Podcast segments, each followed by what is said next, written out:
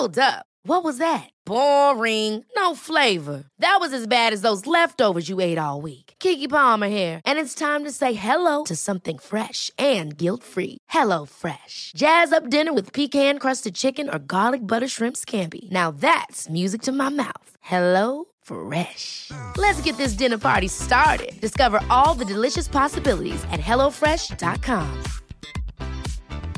A lot can happen in three years, like a chatbot may be your new best friend. But what won't change? Needing health insurance. United Healthcare Tri Term Medical Plans, underwritten by Golden Rule Insurance Company, offer flexible, budget friendly coverage that lasts nearly three years in some states. Learn more at uh1.com. Many of us have those stubborn pounds that seem impossible to lose, no matter how good we eat or how hard we work out. My solution is PlushCare. PlushCare is a leading telehealth provider with doctors who are there for you day and night to partner with you in your weight loss journey. They can prescribe FDA-approved weight loss medications like Wagovi and Zepbound for those who qualify. Plus, they accept most insurance plans. To get started, visit plushcare.com slash weight loss. That's plushcare.com slash weight loss.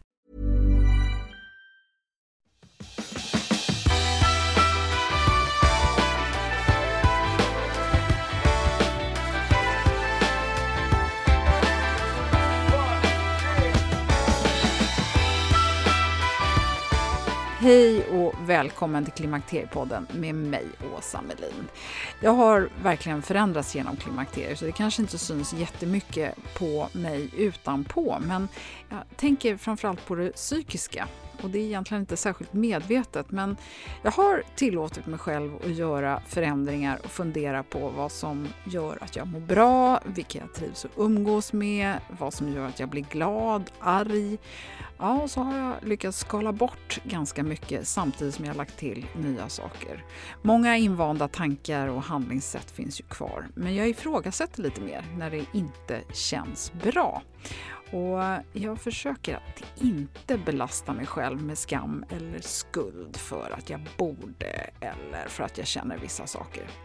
För varför vi gör på ett visst sätt kan vara värdefullt att förstå. Kristina L Persson som är gäst här i avsnittet berättar om hur vi dels har basala behov som behöver uppfyllas men också hur våra föreställningar om oss själva ibland sätter stopp för att ens våga känna efter för vad som finns där inne. Och på tal om skam, det finns mycket med klimakteriet som är skambelagt och svårt att tala om. Det har ju inte bara med sexlust, urinläckage och sådana där saker som kan vara skämmigt att prata om.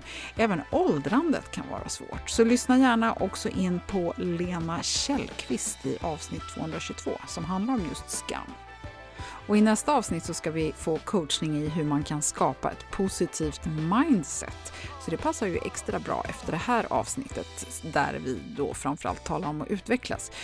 Och Det är intressant hur vi skiljer oss åt och hur eh, försvarsmekanismer, spel och föreställningar kan grumsa vägen framåt. Och det här är faktiskt inte flummigt, utan tvärtom. Jag tycker Kristina verkligen lyckas sätta fingret på varför det kan vara värdefullt att känna efter varför man upplever att man vill något annat eller ta ett nytt steg. Eller för den delen känna sig nöjd. Så välkommen att lyssna.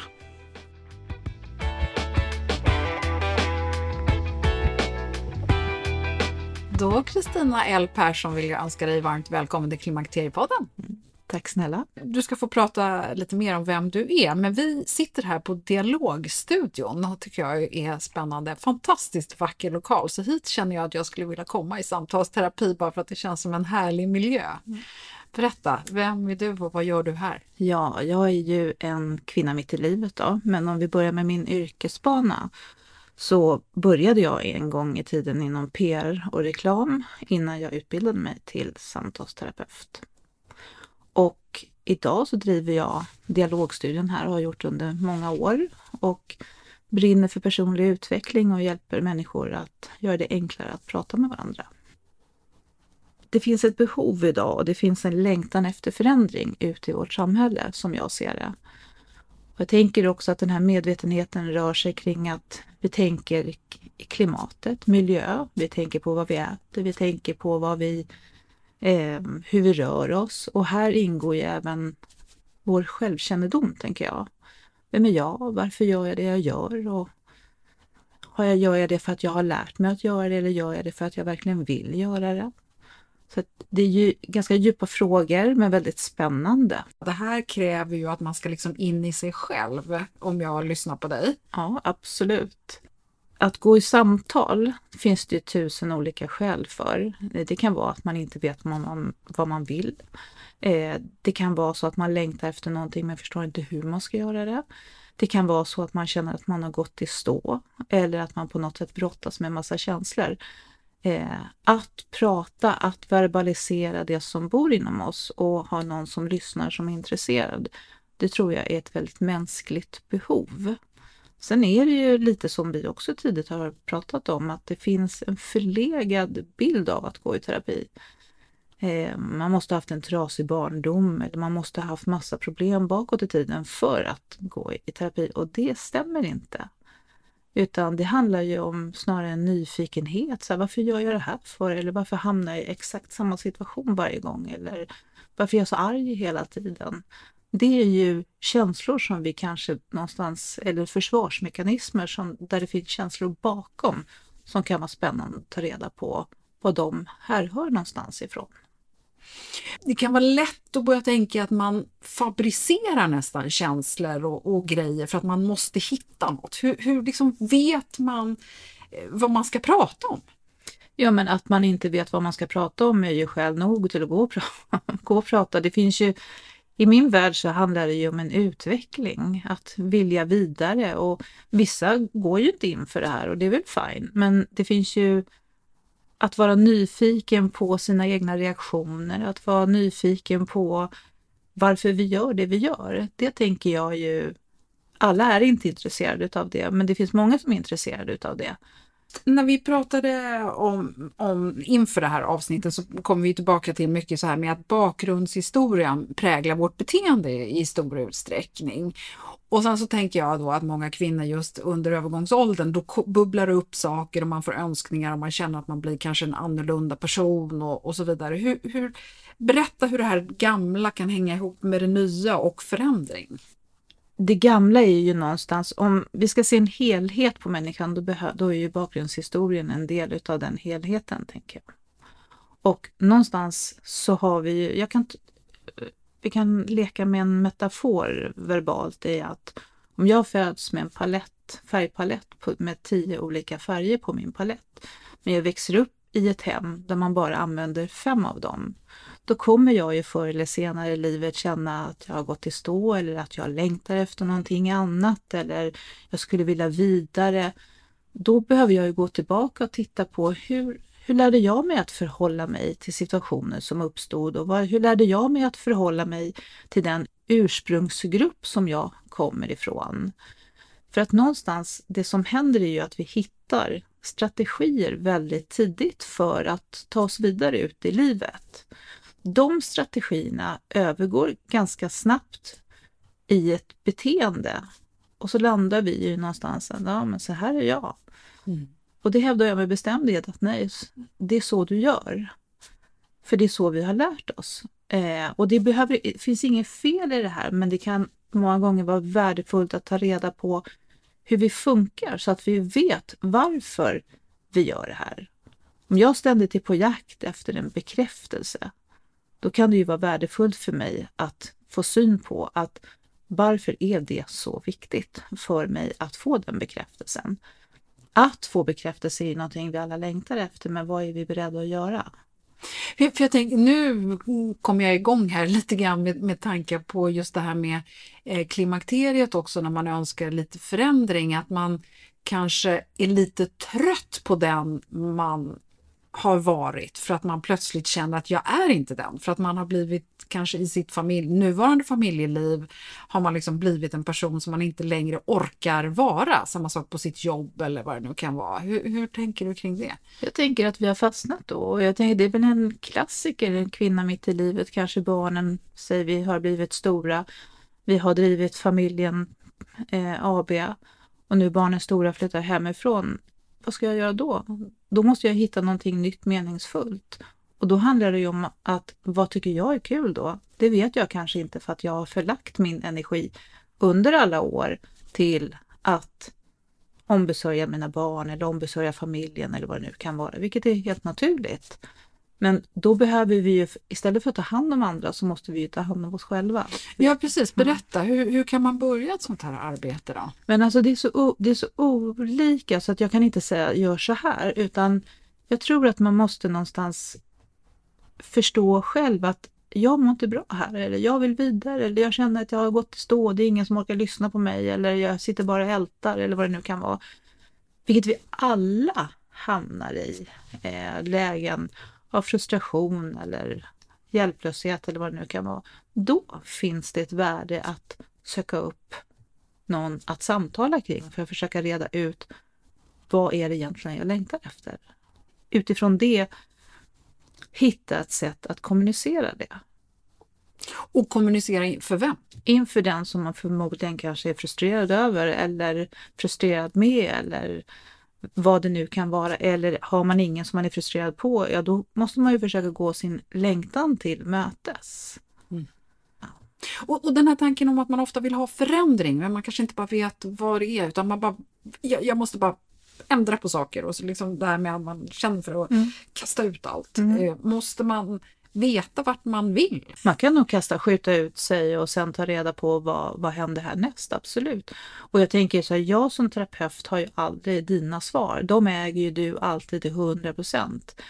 Men man kan utgå ifrån nuet, att vad är det som gör dig frustrerad, säger vi nu, om det är en känsla som skulle eh, finnas där. Ja, då behöver man ju göra en liten så här omvärldsanalys runt så här, vad skapar den här frustrationen? Jo, jag upplever inte att jag blir lyssnad till, säger vi nu då som ett exempel. Eller eh, jag känner att jag är uttråkad på det här eller vad det nu kan vara. Då kan man ju prata om, men vad längtar du efter? Ja, det vet jag inte. Men då får vi ta reda på vad det är som gör att du inte vet det. Då kanske din vilja har använts till att tjäna alla andra under en väldigt lång tid. Då behöver man hitta hjälp med att komma tillbaka på sitt eget spår. Ja, och, och, jag tänker så här, när vi pratade då om överlevnadsstrategier, eh, för det är dina ord nu, över, mm. överlevnadsstrategi som formats att bli beteendemönster.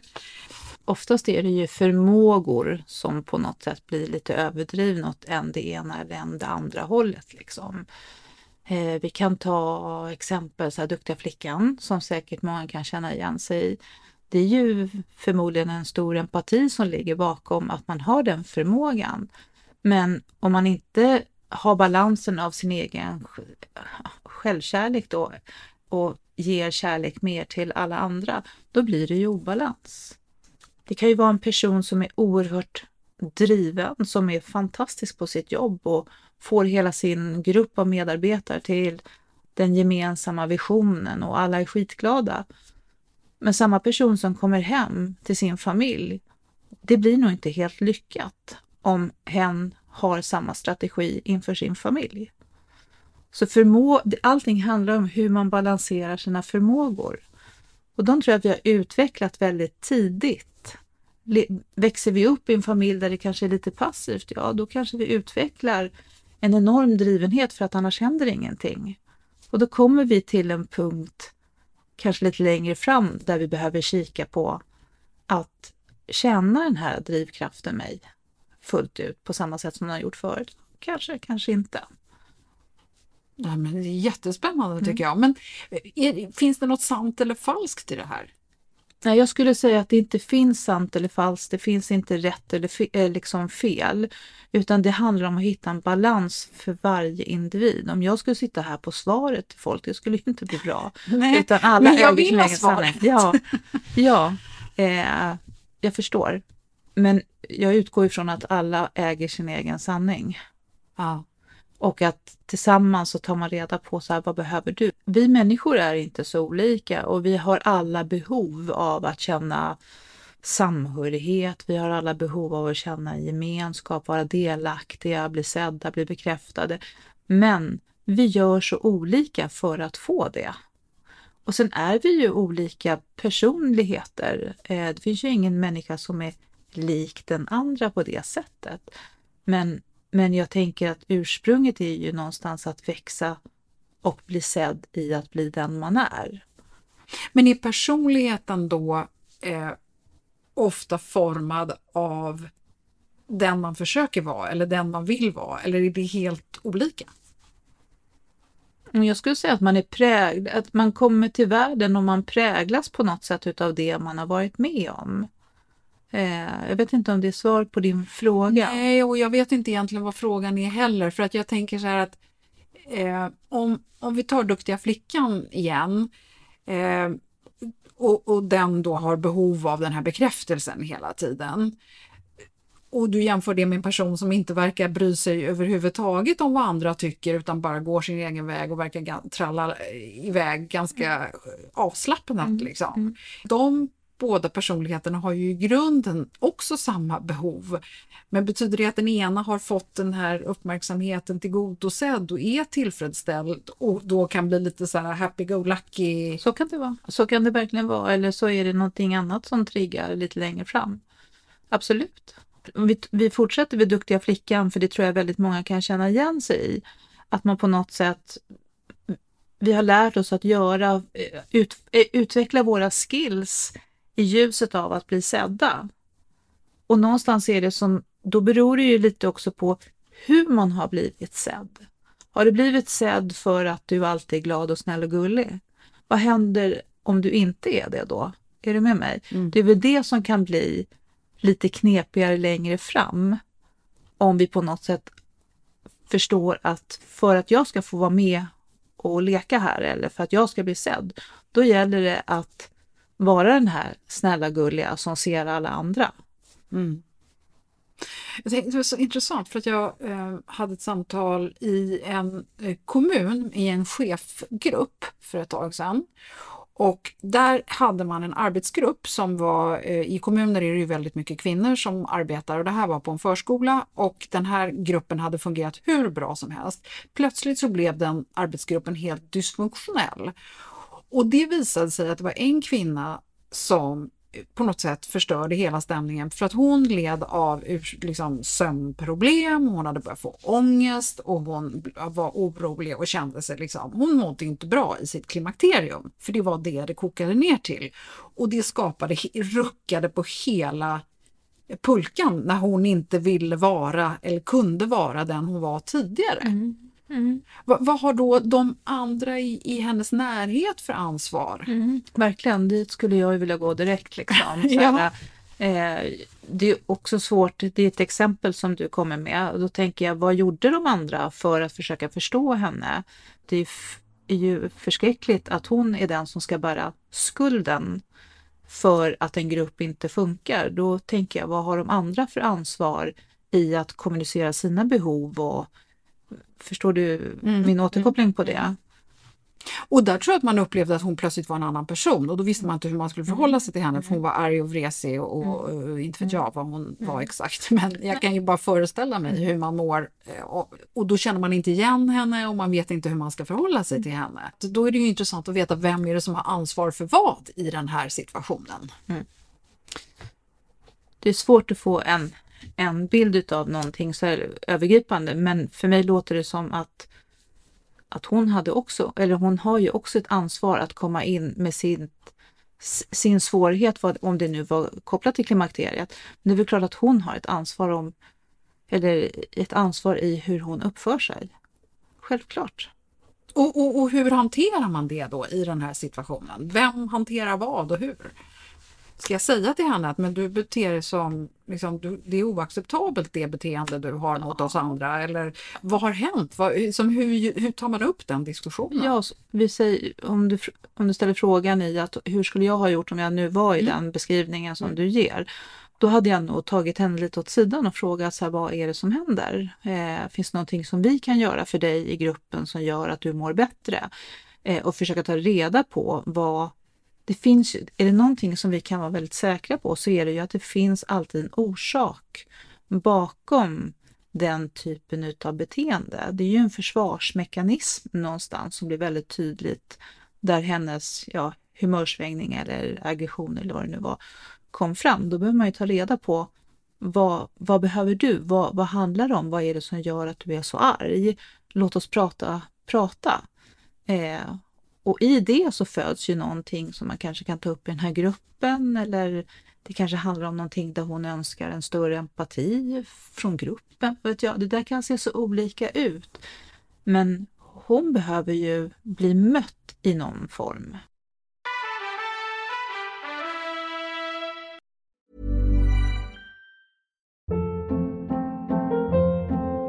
Hold up. What was that? Boring. No flavor. That was as bad as those leftovers you ate all week. Kiki Palmer here, and it's time to say hello to something fresh and guilt-free. Hello Fresh. Jazz up dinner with pecan-crusted chicken or garlic butter shrimp scampi. Now that's music to my mouth. Hello Fresh. Let's get this dinner party started. Discover all the delicious possibilities at hellofresh.com. Many of us have those stubborn pounds that seem impossible to lose, no matter how good we eat or how hard we work out. My solution is PlushCare. PlushCare is a leading telehealth provider with doctors who are there for you day and night to partner with you in your weight loss journey. They can prescribe FDA-approved weight loss medications like Wagovi and Zepbound for those who qualify. Plus, they accept most insurance plans. To get started, visit plushcare.com slash weight loss. That's plushcare.com slash weight loss. Life is full of what ifs. Some awesome, like what if AI could fold your laundry? And some, well, less awesome, like what if you have unexpected medical costs? United Healthcare can help get you covered with Health Protector Guard fixed indemnity insurance plans. They supplement your primary plan to help you manage out of pocket costs. No deductibles, no enrollment periods, and especially no more what ifs. Visit uh1.com to find the Health Protector Guard plan for you. Det är härligt att klimakteriets tabu äntligen är på väg bort. Vill man försöka klara sig utan hormonbehandling så finns nu många nya kosttillskott som lovar bland annat hormonell balans och som ska stötta brister. Jag vill lyfta min räddare i nöden, Femarel. Det har inte bara varit min utan många andra kvinnors räddning i över 20 år. Och med lång tid på marknaden, med nöjda användare, dessutom med 20 forskningsstudier så vågar jag säga att det kan vara en god idé att prova Femarel. Femarel finns på apoteken och i hälsokostbutiker. Tack Femarel som varit min samarbetspartner i många år.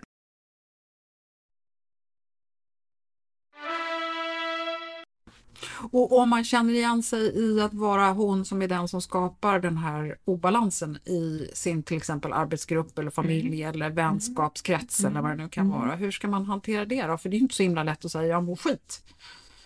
Eh, varför är inte det lätt för? Eller hur med... Nej men att plötsligt är jag någon annan som ingen känner igen. Nej, men upplev... när, när du ställer den frågan, är, är, menar du att hon själv då, säger ja, vi nu, precis. inte är medveten om det? Jo, hon är medveten om att hon inte beter sig schysst. Mm. Men hon vet inte riktigt hur hon ska hantera det och hon kan inte riktigt men hon har inte styr på sig själv av förklarliga skäl. Nej. Och det kan jag verkligen följa och så kan det vara. Men då behöver man ju kanske någonstans hitta någon förtrolig som man kan prata med och säga att jag känner inte igen mig själv eller det gick åt skogen förra gången vi sågs, det blev jättekonstigt, jag ber om ursäkt, jag ska verkligen göra någonting åt det här eller jag ska titta på vad det här står för eller jag ska ta hjälp, hur, vilken typ av hjälp nu hon väljer. Men, men känslan av att vara hjälplös är ju mänsklig, men man är ju inte, liksom, man är ju inte hjälplös som vuxen. Det går ju att få hjälp. Mm. Och vi är många gånger en del av vårt eget mående, att vi har ett ansvar för vad vi sänder oavsett om vi har klimakterie, liksom mitt uppe i klimakteriet eller om vi är innan eller vi är efter. Vårt känsloliv är vi ansvariga för hur, hur vi förhåller oss. Och även vårt agerande. Ja, det skulle jag i allra högsta grad säga. Mm. Ja. Och just därför så är det okej att ifrågasätta någons beteende även om det är besvärligt att ta upp det kanske. Ja, och jag tänker också att man kan ifrågasätta men det kan man ju göra väldigt empatiskt och säga att, att jag känner inte riktigt igen dig. Eh, är det, hur, är, hur är läget liksom? De senaste gångerna vi har träffats så har du känts arg, stämmer det? Finns det någonting jag kan göra för dig eller vill du prata så lyssnar jag gärna. Alltså det handlar ju någonstans om att möta en annan människa lite empatiskt mm. Eh, och inte döma. Mm. För det kan ju vara den duktiga flickan som kommer i ett läge där hon inte är så duktig längre eller inte är så härlig längre så som hon har fått bekräftelse för. Förstår du vad jag menar? Mm. Och då behöver hon ju bli lika fint mött eh, även om hon är arg. Mm. Jag tycker det är så intressant att prata om just klimakteriet för det, alla vill ju inte ta till sig klimakteriet överhuvudtaget. Man kanske inte vill prata om det, man vill inte att någon ska föreslå att man är i det, man vill inte överhuvudtaget befatta sig med det utan bara så här, håller det ifrån sig. Medan andra de snabbt vill bara liksom, ge mig den medicin som funkar så jag kan bli mig själv och sen så har du en, ett gäng då som biter ihop som inte tycker att det är så farligt. Liksom. Att, hur, hur big deal kan det här vara? Liksom? Det, det, går väl över förr eller senare. Det här har tidigare generationer minsann klarat av så det ska jag också klara av.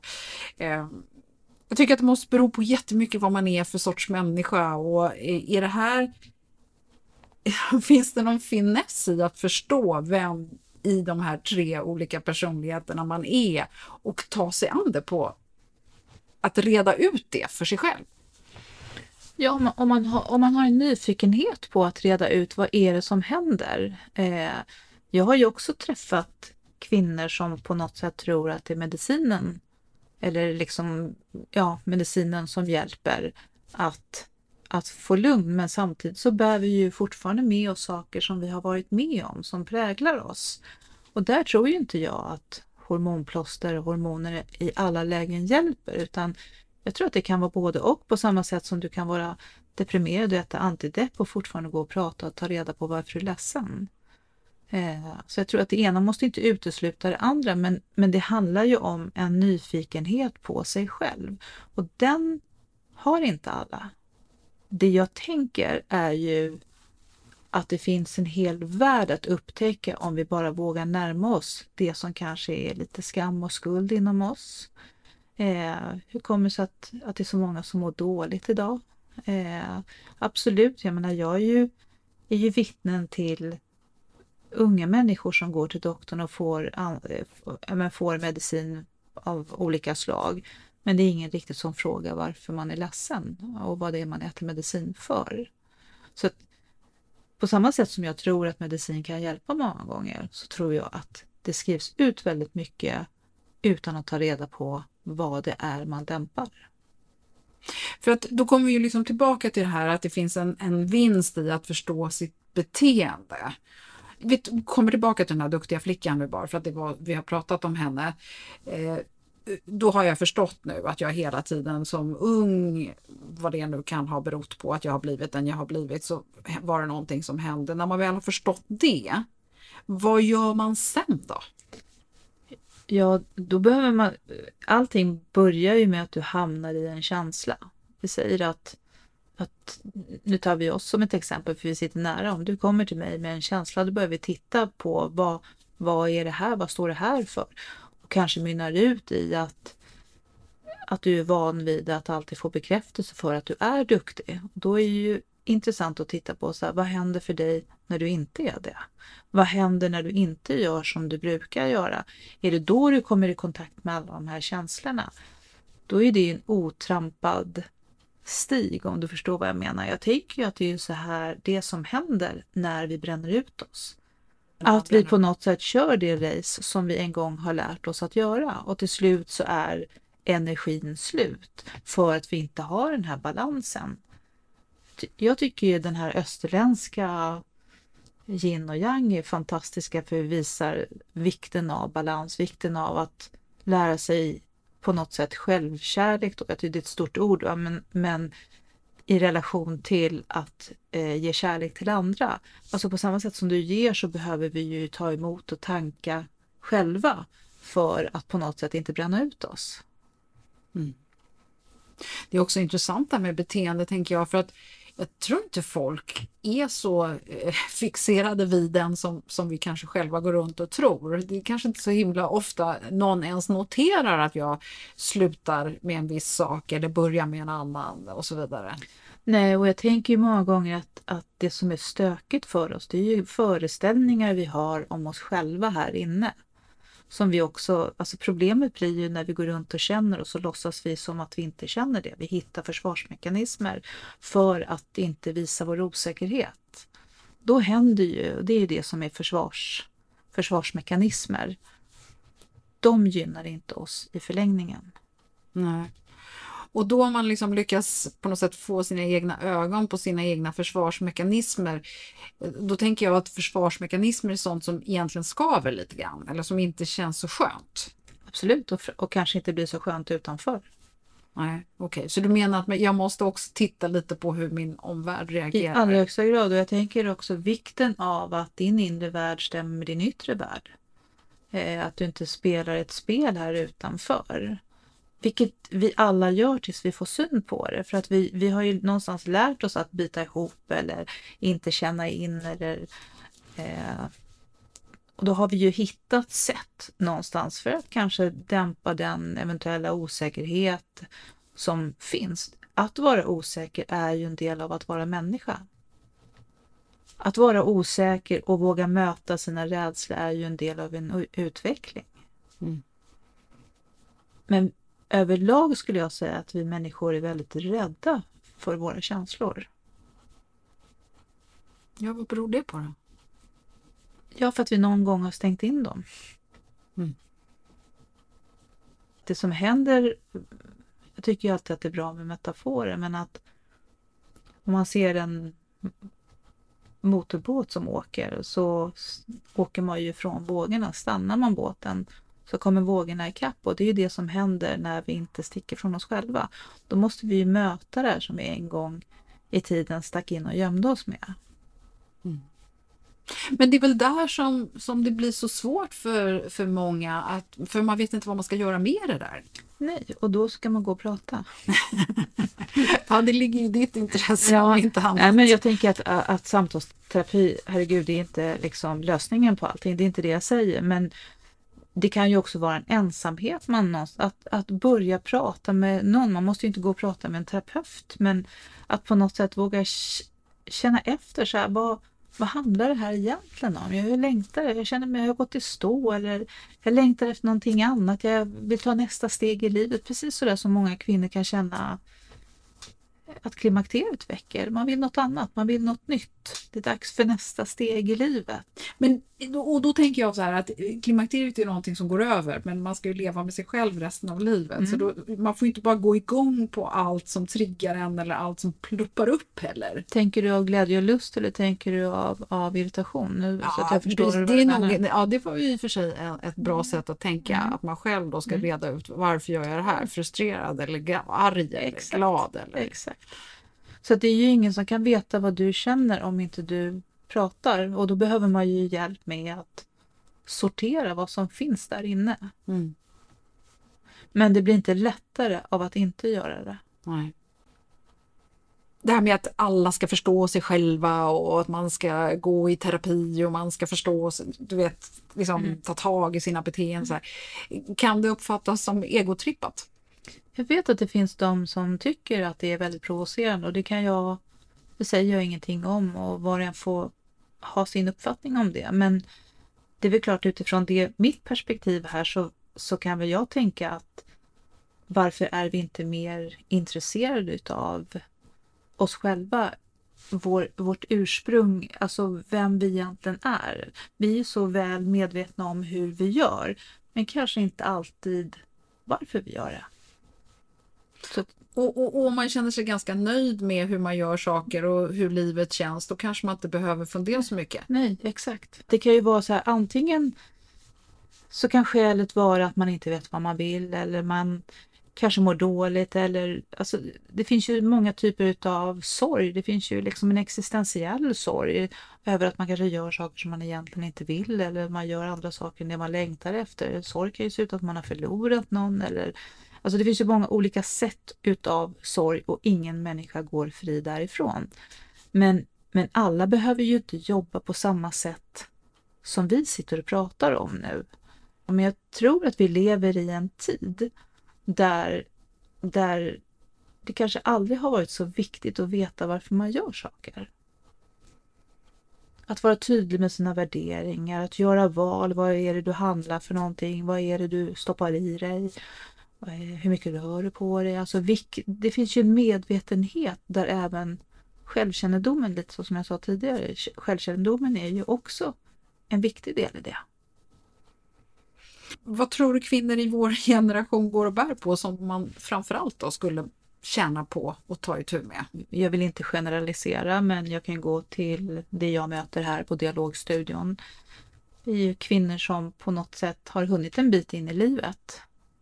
Vi har en massa erfarenhet i bagaget. Eh, vi kanske har lagt eh, väldigt mycket av vår tid för att få allting att snurra. Nu har det snurrat och nu kanske alla gör sin grej och då står ju vi kvar och tar reda på vad vill jag?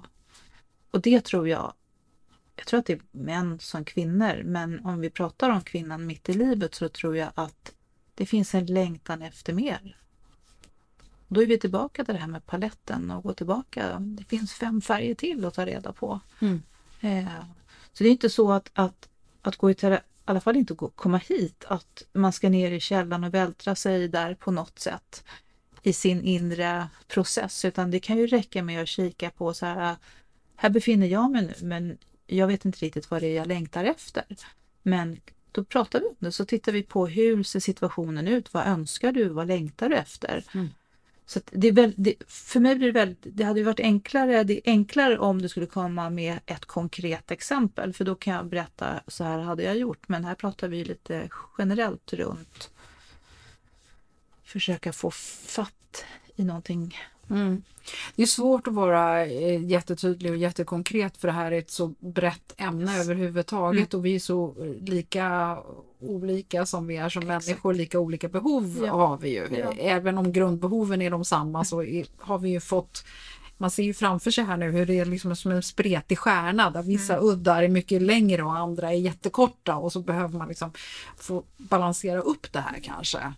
För att hitta balansen. Mm. Exakt. Mm. Så att om man nu, vi har varit inne på det lite grann här i början, men, men om man nu vill veta hur det går till att gå i samtalsterapi, hur vet man ens var man börjar och vad man vill och vad man borde eller måste man vara... Ja, du förstår vad jag menar. Ja. Men allting är ju sprunget utifrån vad nu tar jag dig som ett exempel, vad du skulle vilja. Är du nyfiken på, så här, jag har aldrig gått och pratat med någon, men det skulle vara spännande att gå och kika på hur det är. Ja, då är det ett skäl. Eh, är du ledsen och känner dig deppig och inte känner att du hittar ut därifrån, ja då är det ett annat skäl. Så att det är ju ditt emotionella liv här inne som på något sätt avgör vad det är du vill. Eh, sen kan jag tycka att jag, han eller hon eller hen skulle behöva gå och prata. Men om inte den personen vill det, ja men då är ju inte det, då, då finns det ju inte. Nej. Nej, jag tycker att det här samtalet är svårt för att det är så, jag vill så gärna komma åt specifika liksom, verktyg eller nycklar samtidigt som jag är medveten om att det finns så många olika som lyssnar på det här som jag vill också ska känna igen sig och, och känna att här finns något för mig. Just det, just det. Och det är ju alltid svårt för det finns inte en sanning utan det finns lika många sanningar som det finns eh, människor. Mm. Men det handlar ju inte om att när jag träffar en klient att leta fel. Det handlar ju om att hon eller han eller hen ska förstå eh, så här funkar jag. Mm. Och att på något sätt våga närma sig det som eventuellt är en osäkerhet eller ett tillkortakommande som man på något sätt inte riktigt tycker om att visa utan oftast så går vi runt och skäms för saker som vi inte behöver skämmas för. Eh, och då hittar vi ju strategier för att inte visa det och det i sin tur blir ju försvarsmekanismer som blir beteenden. Mm. På samma sätt som en person är osäker så kan man lägga sig i ett underläge men samma osäkerhet kan också göra att man sätter sig på den höga hästen.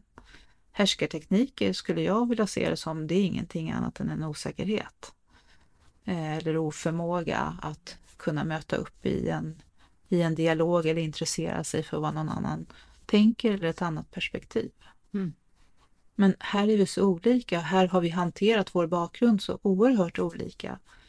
Vissa är inte alls rädda för det som kanske andra är rädda för. Så här är vi ju än en gång lite det vi mm, pratade om förut att ingen är lik den andra utan vi gör olika. Den som kan gå ut i livet och vara obekymrad versus den som inte gör det som vi pratade om förut har säkert andra problem i någon annan form eller kan uppstå problem för att man gör som man gör. Mm.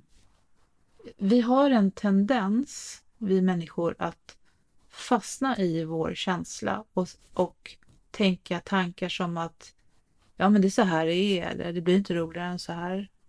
Vi nöjer oss istället för att se till att bli nöjda. Istället för att titta på så här, vad är det egentligen som du känner som gör att du tror att det inte går att förändra. Men då måste man kika lite på ursprunget till den känslan. Och det kan vara lite läskigt för att där har man inte riktigt varit förut. Mm. Och svårt att veta om det är sant, det man liksom kommer fram till. Ja, det kan ju vara en del av en sanning, men det är ju känslan som är den viktiga. Det är ju känslan, alltså på samma sätt, jag vet inte, alltså så tagen metafor att man är intresserad, att man behöver förstå sin instrumentpanel i en bil. Det motsvarar vårt känsloliv någonstans, att veta varför har jag ångest eller vad är det som kommer ikapp mig? Vad för vi, ha, vi människor har, och det är verkligen min erfarenhet efter alla år som terapeut, att vi har en tendens till att blanda dåtid med nutid.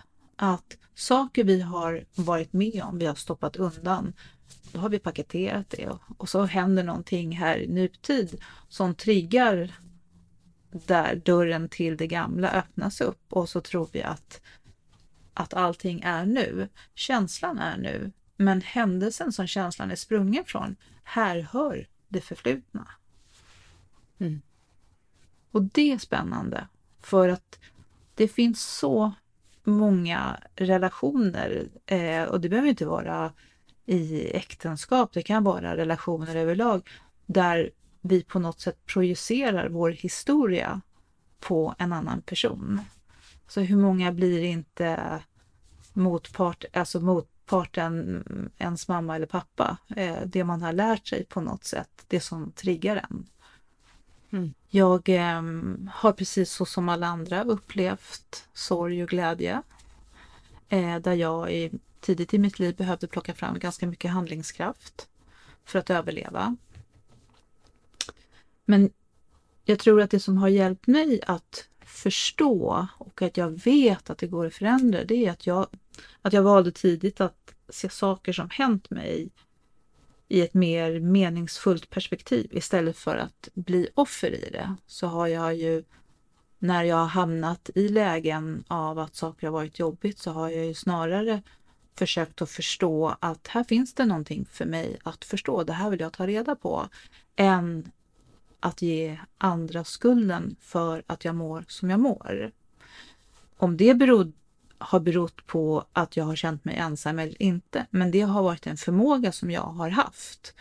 Och i den förmågan har jag ju också kommit att förstå jösses vad det finns mycket spännande att förstå om vi bara vågar närma oss det som är känslor som skam och skuld. Det är en databas som finns inom oss om vi bara vågar närma oss det. Eh, och jag säger inte att alla ska göra det, jag säger bara att där finns information att hämta. Men vi gör vad vi kan för att inte känna de känslorna. Mm. Så att jag vet att det går att förändra. Jag vet att det går att upptäcka sig själv. Jag vet att det finns oftast en förklaring till varför vi gör det vi gör. Eh, och försvarsmekanismer någonstans bakom dem så finns det ju känslor som vi har parkerat för att det kanske inte har passat sig där och då eller det kanske inte fanns möjlighet. Jag har ju varit i, i situationer i livet där det verkligen inte var tid att känna efter utan här handlar det om att agera nu och göra det bra.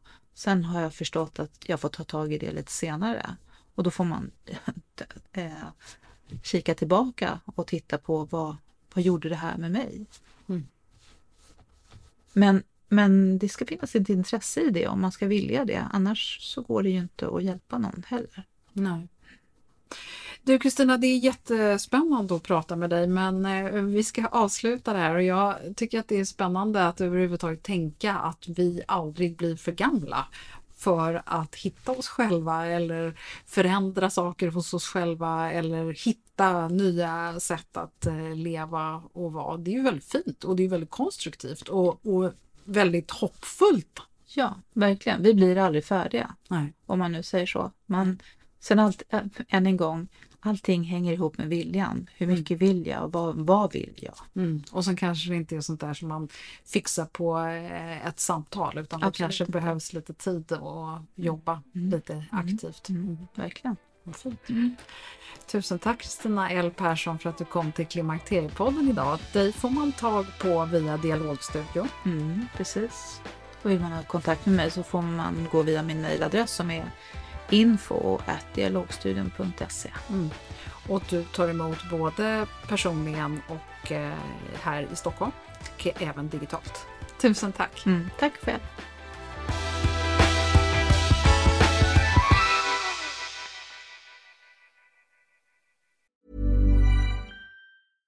Ever catch yourself eating the same flavorless dinner three days in a row?